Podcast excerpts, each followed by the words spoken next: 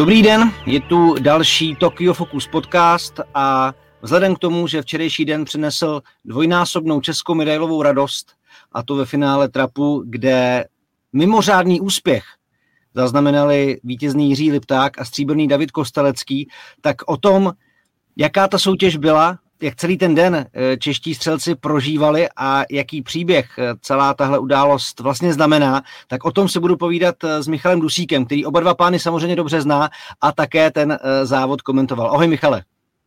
Ahoj a dobrý den. Tak jenom bych rád na úvod připomněl, jak mimořádný počin v rámci olympijské historie to byl. Tak dvě medaile v jedné disciplíně naposledy měli vzpěrači Jaroslav Skoba a Václav Pšenička v Los Angeles 1932 a včera Jiří Lipták a David Kostelecký. Jak si ten jejich den vlastně vnímal, jak to vypadalo v kvalifikaci a co potom přineslo to samotné finále vlastně? Já bych to vlastně možná roztahl i do více dnů, protože pochopitelně olympijská soutěž už sama o sobě je dvoudenní a všechno to eh, navíc eh, začíná už tréninky, které tady museli absolvovat. Eh, já jsem se tam byl podívat vlastně na jeden z prvních tréninků a musím říct, že jsem z toho měl tak jako vnitřně dobrý pocit, eh, protože eh, já znám eh, oba kluky, s Davidem jsem i strávil nějaký čas třeba na střelnici, viděl jsem ho docela častokrát střílet a ono je to hm, o tom pocitu, člověk cítí už třeba ten rytmus, jaký oba střelci měli a už na tom tréninku jsem si říkal, sakra, Tohle vypadá hodně dobře, eh, což eh, u střelby může někdy trošku mást, no samozřejmě ta soutěž pak může být jiná. Pak jsem tam byl na ten eh, první kvalifikační den a nechci teď tady si hrát na nějakého znalce, já hlavně strašně nerad typuju, obecně hrozně nerad typuju, ale když jsme odjížděli ze střelnice, tak jsem kolegovi z rozhlasu a kameraman říkal, hele, Jirka Lipták to tady vyhraje protože ze všech střelců, které jsem viděl, tak on prostě střílel nejlíp. On eh, měl sebevědomí, takové to zdravé sebevědomí. Bylo vidět, že nemá starčů strach, že prostě do nich jde, že do nich jde s tím vědomím, že jede rozbít.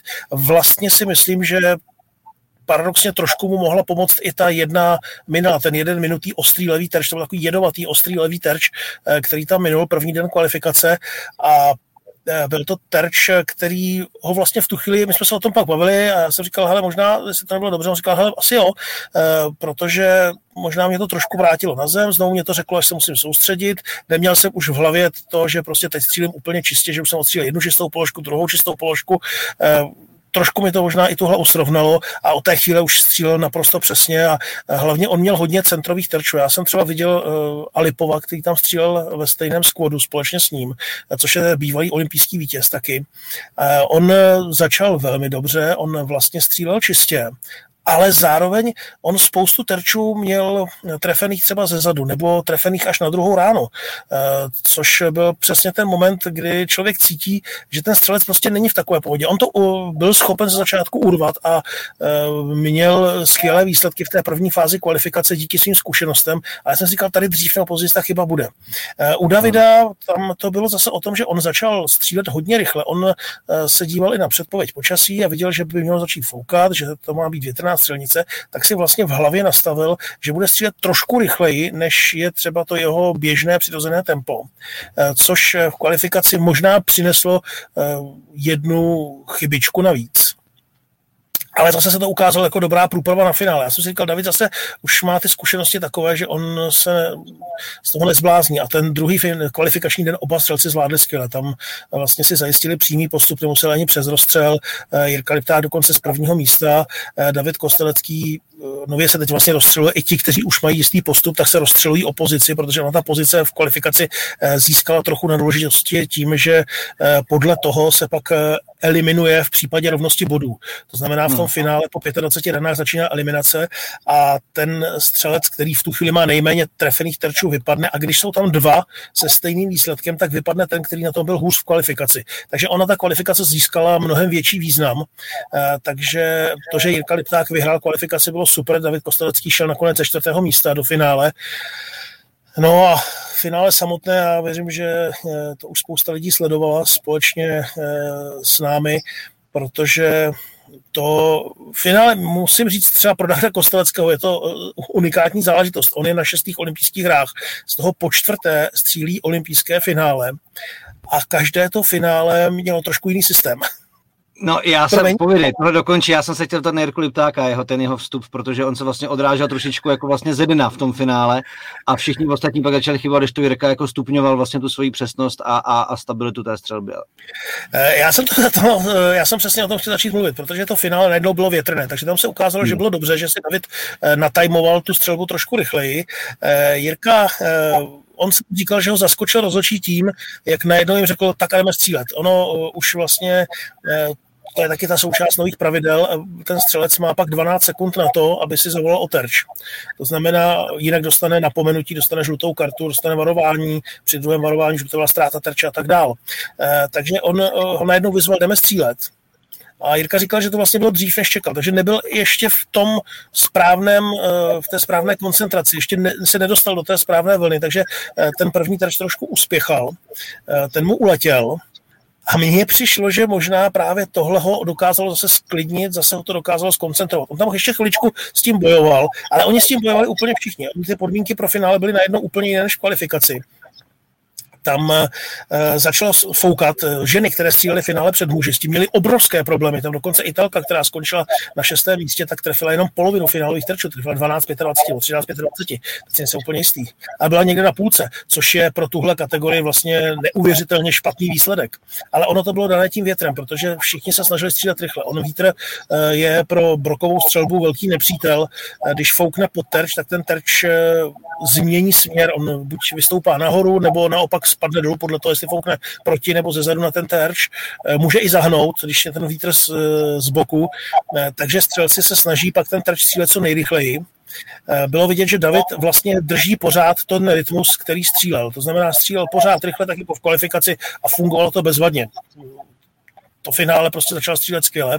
Eh, Jirka se potřeboval trošku srovnat, ale vlastně v tu chvíli ho podržela i ta, eh, i ta vítězná kvalifikace. On eh, chybovali i další, takže on nebyl v těch eliminacích a když už tam jednou do té eliminace dostal, tak ho podrželo to, že byl výš v kvalifikaci, takže zůstal soutěži dál ve chvíli, kdy měl tu rovnost, kdyby to třeba na něj mohlo spadnout. A přesně jak říkáš, on se rozestřílel, on no. získal klid a zase byl možná trošku rychlejší než v kvalifikaci, srovnal se na to rychlejší tempo a střílel přesně.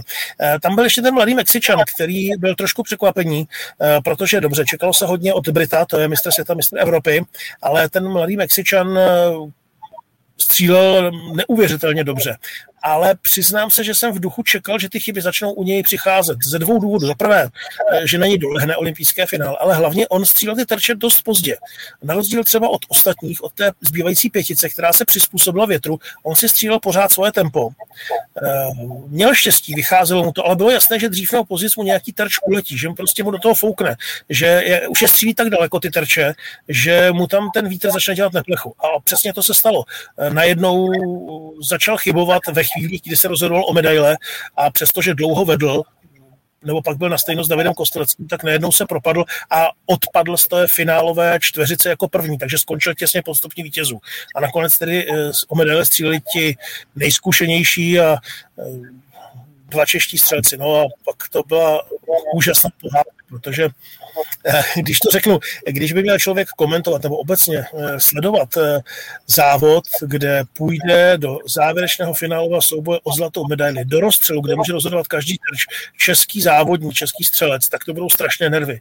No jo, ale tady byli dva, dva kamarádi, kteří si to přáli navzájem a vlastně v tu chvíli to byla strašně krásná oslava samozřejmě tam pořád ten souboj o zlato, ne, že by ho vypustili, že by to nechali být, ale už bez toho tlaku oba věděli, že prostě to je zlato a stříbro pro Českou republiku, zlato a stříbro pro tenhle super tým, ve kterém je i olympijský vítěz z Barcelony, Petr Hrdlička jako trenér. Takže teď už je to tým tří olympijských vítězů. Tohle to je prostě úžasný příběh a mě by zajímalo, jak jsi to vlastně jako vnímal, když jste šli do toho rozstřelu po 50 střelách, že jo, 43 tref a teď se vědělo, že prostě jeden nebo druhý. David Kostelecký, olympijský vítěz Pekingu, ten sám potom říkal, že když věděl, že má na krku bronz, tak uh, už nebyl tak ostražitý, nebo uh, řekněme, že z něj možná trošičku spadla taková ta úplně stoprocentní koncentrace. Jirka Lipták, která nakonec uh, tohleto trio řekněme, dorovnal tím, tím zlatým triumfem a jak si teda vlastně vnímal tenhle ten příběh dvou kamarádů, jak příjemná to vlastně byla momentka pro tebe užít si to, že prostě zlato stříbro je doma a ještě navíc tyhle ty dva kámoši si to jako vlastně tak jako přátelsky v otevřené mistrovství České republiky na olympiádě rozdají. Eh, já jsem eh, už kdysi říkal, že jsem měl hrozné štěstí jako komentátor, protože se mi povedlo komentovat olympijské zlato eh, kamarádů a kamarádek, ať už to byl David Kostelecký, Katka Kurková Emons, když vezmu, komentoval jsem olympijské zlato Báry Špotákové, samozřejmě Evy Samkové a další úspěchy lidí, ke kterým mám třeba i jako docela blízko, co se týká mimo televizních záležitostí. No a tohle to ještě předčilo, protože tady jsem komentoval eh, dva kamarády, kteří stříleli spolu o zlatou a stříbrnou medaili na olympijských hrách. A přesně jak si říkal, eh, první, druhý, aby byl český nebo československý sportovec. To se v olympijské historii stalo jenom jednou jedinkrát ve 32. v Los Angeles. Eh, pak ještě v Sarajevu jsme měli skokany na druhém, třetím místě, ale první, druhý opravdu jenom jednou jedinkrát. A to je prostě unikátní. Navíc v disciplíně, kde to fakt není obvyklé. Tam třeba i v době, kdy Italové stříleli skvěle, tak nikdy neudělali 1-2. Tam naposledy 1-2 byli někdy eh, američané v Antwerpách v roce 1920 hmm. a tam to byl velmi specifický závod, kde vlastně eh, podle mě eh, tam byly asi tři země v tom závodě. Takže skutečně něco unikátního. On trap je disciplína, která eh, možná u nás vypadá jako souboj myslivců, ale ve světě jsou i broková střelba velmi populární. Jsou země, kde to fakt dělají tisícovky lidí. Američané, Italové, eh, Ázie, eh, Střední východ, to jsou všechno oblasti, kde broková střelba je velmi populární a e, skutečně ta konkurence e, v trapu ve skýtu je fakt veliká. Já si pamatuju, že jsem dokonce, když jsem byl v Kataru, tak v televizi uh, běžel živý přenos nějakého poháru, nevím, jestli místního nebo hmm. světového, každopádně uh, mi hned došlo, že uh, za hranicemi naší republiky tenhle ten sport jako může mít dost velký význam. A teď mi řekni, v čem spočívá to, že čeští vlastně střelci a brokaři teda třeba konkrétně vlastně se dokážou držet s tou světovou konkurencí. Když v Riu nepřišla vlastně střelecká medaile, což vždycky jsme brali jako takovou jistotu medailovou té české výpravy, tak jak dobře je, že se to podařilo a ještě takovýmhle způsobem a v čem teda ten vlastně jejich jako to kouzlo úspěchu a těch stabilních výsledků spočívá? V Riu to vlastně bylo jenom o kousek, protože David eh, tam byl čtvrtý, eh, tam eh, s Britem střílel o bronzovou medaili, ale je pravda, že tam skutečně česká střelba po dlouhé době přišla zase mm, vlastně byla na suchu, co se hmm. týká olympijských medailí.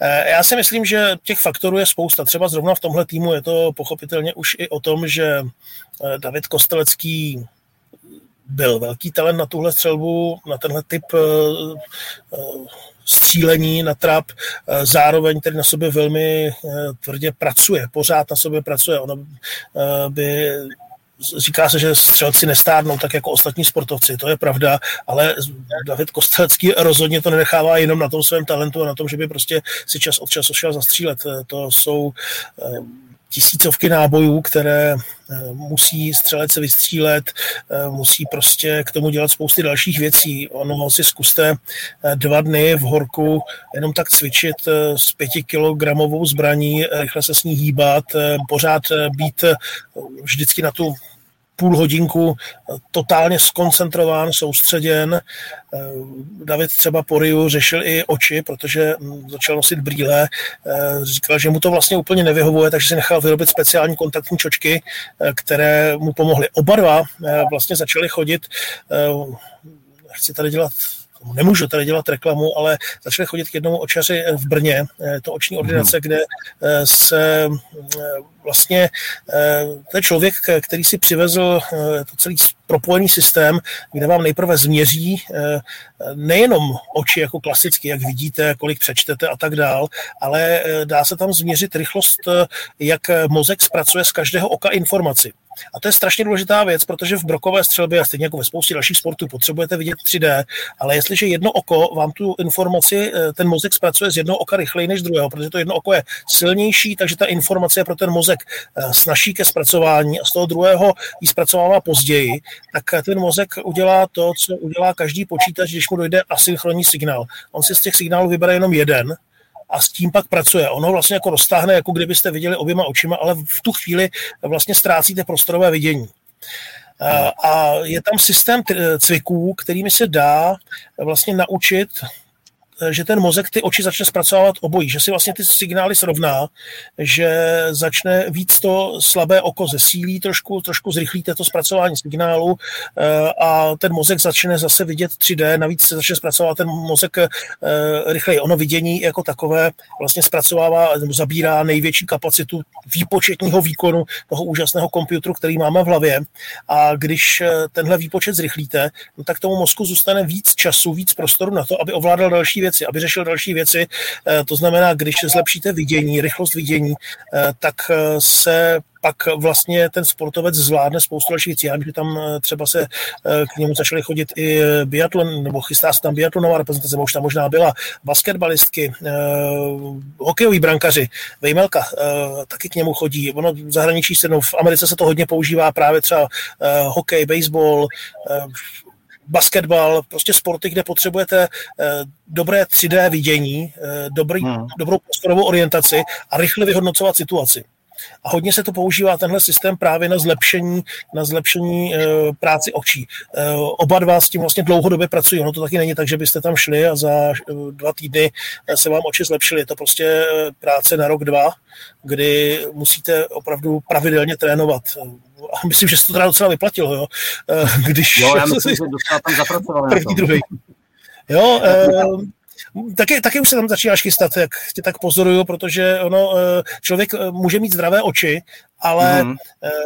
to měření ukáže, že prostě ty oči jsou zdravé, má dobré vidění, ale třeba každé to oko zpracovává signál jinak dlouho, nebo respektive mozek z toho každého oka zpracovává signál jinak dlouho a to vlastně trošku omezuje vidění, hmm. což se dá cvičením srovnat. To je zajímavý vhled a za to každopádně díky. A poslední dvě věci, nebo eh, respektive dvě témata, která se vztahují k těmto pánům. Jaké jsou vlastně podmínky brokařů nebo střelby obecně u nás? Protože já jsem slyšel, já jsem slyšel takový ten časozběrný dokument Olympijský rok Davida Kosteleckého na radiožurnálu, kde jedna z těch částí se vlastně natáčela na střelnici, kterou on si sám obsluhoval, nějak natahoval terči a šel sám střílet, eh, pak to zase sám tam nějak pozamykal, zavrzali dveře a šel dál. Tak v jakých podmínkách vlastně se naši střelci připravují? Oproti třeba tomu, co se, co, se, mm, co víš o světových um, o světových střelcích. Světových. Hmm. Hmm. Eh, já vím, že třeba, tak David má v tomhle jednu drobnou výhodu, eh, že vlastně může střílet na rodinné střelnici, kterou zakládal už někdy v 60. letech jeho dědeček. Dneska ta střelnice, tedy myslím, jestli se nepletu pod Duklou, ale má jí kousek od baráku, to znamená opravdu tam může jít eh, střílet, kdy on potřebuje. Ono obecně se střelnicemi u nás začíná být trošku problém v tom, že se omezuje jejich provoz. Brková hmm. střelba je hlučná střelba, to je fakt. A samozřejmě lidé, kteří si třeba eh, postaví dům někde u střelnice, tak si začnou stěžovat, že jim to tam eh, za barákem bouchá. Na druhou stranu oni si postavili dům u střelnice. Jo? To, proto tam ten pozemek byl levnější. si to ještě jednou, máte dům u střelnice. jo, ale ne, ono to samozřejmě je to, je to jsou samozřejmě pak i třeba domy, které byly vybudovány, kdy se tolik nehledělo na nějaké hlukové normy a u některých střelnic pak dochází k omezování provozu. Není to úplně jednoduché. Eh, ono se někdy u nás vždycky říká, eh, tak jako takovémhle úspěchu se začne mluvit o tom, že by se mělo postavit centrum, mělo postavit centrum, mělo postavit centrum. Já si třeba pamatuju, že jsem byl před pár roky ve Francii v Châteauroux, což je město, které proslavilo mimo jiné to, že se tam narodil Gerard Depardieu, ale eh, tak je to město, u kterého byla vojenská letecká základna, kterou už francouzská armáda přestala používat a na téhle letecké základně se vybudovalo Olympijské střelecké centrum. Nádherný, úžasný komplex, kde jsou střeliště pro kulové zbraně, jsou tam brokové střelnice, celé je to ještě obehnáno takovým valem, který zvuk vlastně odráží nahoru, takže navíc celá ta základna je vlastně vzdálena od obytných domů, ale ještě je tam val, který ten zvuk odráží nahoru. E, okolo toho valu jsou pak ještě postavena střeliště pro IPSC. Skutečně je to prostě úžasné velké střelecké centrum, skoro si říkám, že by něco podobného uh, si česká střelba taky zasloužila vzhledem k těm úspěchům, ale ono by asi každý sport uměl uh, si vymyslet takovéhle centrum. Ale říkám si, třeba u nás z těch vojenských újezdů, těch eh, prostor, které zatím nemají úplně využití, když si vezmu třeba Milovice, hmm. tam no, já nevím, se já jsem... krásně dala postavit taková střelnice. Já jsem na, na sociálních sítích nezahlédl nějaký příslip nějakého, nějaké velké uh, to ještě přijde. Ale nevím, jestli třeba náhodou vedle uh, oválu pro Martinu Sáblíkovou by se třeba ještě to místečko nenašlo, víš, jako to. Tam bude planš, a, a, planše prostě, no, tak asi tak. Tak, tak, tak. No. To, Ale dobrý. Myslím to... si, že do podzimu, do podzimu se toho dočkáme. Aha, opustme teď eh, tyhle ty hypotézy a mě by zajímala poslední věc, protože kromě toho, že jsou to teď eh, Jiří Ryták je olympijský vítěz a David Kostelecký znovu mm, ve své kariéře dosáhl na olympijskou medaili, tak jsou to kamarádi, kteří bydlí asi dva kilometry od sebe a po olympiádě berou děti pod stan. Jací jsou to vlastně lidi? Jak ty je znáš? Pojď nám jenom říct, co je Jirka Lipták, David Kostelecký za týpky, abychom taky věděli o tom, co, co tyhle ty skvělí sportovci uh, vlastně tak nějak jako zažívají a prožívají. Strašně fajn kluci, eh, kluci, kteří uh, si na nic nehrajou. Já je znám spoustu let Davida vlastně od olympijských her v Sydney 2000, kdy jsme se nějak skamarádili a uh, David mě třeba i učil střílet. Uh, uh, jsou to lidi, kteří se první zeptají, co pro tebe můžu udělat, s čím můžu pomoct, než začnou říkat, co, bych, co můžeš ty udělat pro mě. Hmm fakt jako strašně otevřený lidi a já si myslím, že eh, to bylo vidět i na tom finále. Oni opravdu upřímně měli radost eh, nejen z toho svého úspěchu, ale oni hlavně největší radost vždycky měli z toho úspěchu toho druhého, z toho, že vlastně jsou tam oba. A že to není eh, jenom, že jeden z nás má medaily, ale že oba máme medaily, prostě dokázali jsme si splnit sen. A já jsem to říkal i v přenosu, já si fakt pamatuju, jednou jsme měli nějaké takové posazení a tak jako tam přišla řeč na to, co by bylo nádherný a bylo to, bylo to tam většinou jako takový fakt eh, jako sen střílet velké finále, třeba mistrovství světa nebo olympijské hry spolu a fakt jako jít spolu do, tý, do toho finále a jít do rozstřelu o zlato. Ve chvíli, kdy víme, že máme zlato a stříbro a budeme se o ně rozstřelovat a prostě už si to užijeme, protože oba vlastně jsme to vyhráli a je to jenom legrace, kdo z nás dvou to vyhraje. Tehdy to bylo řečeno jako takový sen, který se asi těžko splní, no vida. On člověk, když eh, těm snům pomůže tvrdou prací a má i trošku štěstí, tak se k ním nakonec může dostat. Já myslím, že líp si to hoši nemohli naplánovat a podle mě to byl jeden z nejkrásnějších momentů zatím jako z českého pohledu těchto her. A já, Michale, díky, že si mohl našim posluchačům ho přiblížit ze svého úhlu pohledu. Byly to velice hodnotné poznatky a byl to vlastně i první náš podcast, kde jsme se věnovali sportovní střelbě a vzhledem k tomu, že Jiří Lipák je olympijský vítěz a David Kostelecký stříbrný, tak to bylo prostě potřeba a to by moc díky za tvůj čas a tvoje postřehy. Eh, já moc děkuji za pozvání, no a třeba po olympijských hrách uděláme nějaký podcast eh, ze střelnice z Holasic i s oběma medailisty. Nebylo by to vůbec špatné a myslím si, že to je docela dobrý nápad, který určitě uh, rozpracujeme. Každopádně díky, že jste nás poslouchali. Pokud byste něco měli, klidně nám nechte nějaké poznámky na našich profilech na sociálních sítích. No a vzhledem k tomu, že ve hře dneska Lukáš Krpálek a pojede Jiří Prskavec, tak je dost možné, že se s Tokyo Focus podcastem zase velice brzy přihlásíme po nějakém zajímavém českém, možná i medailovém úspěchu. Tohle byl Michal Dusík, díky ti moc a vy se mějte hezky.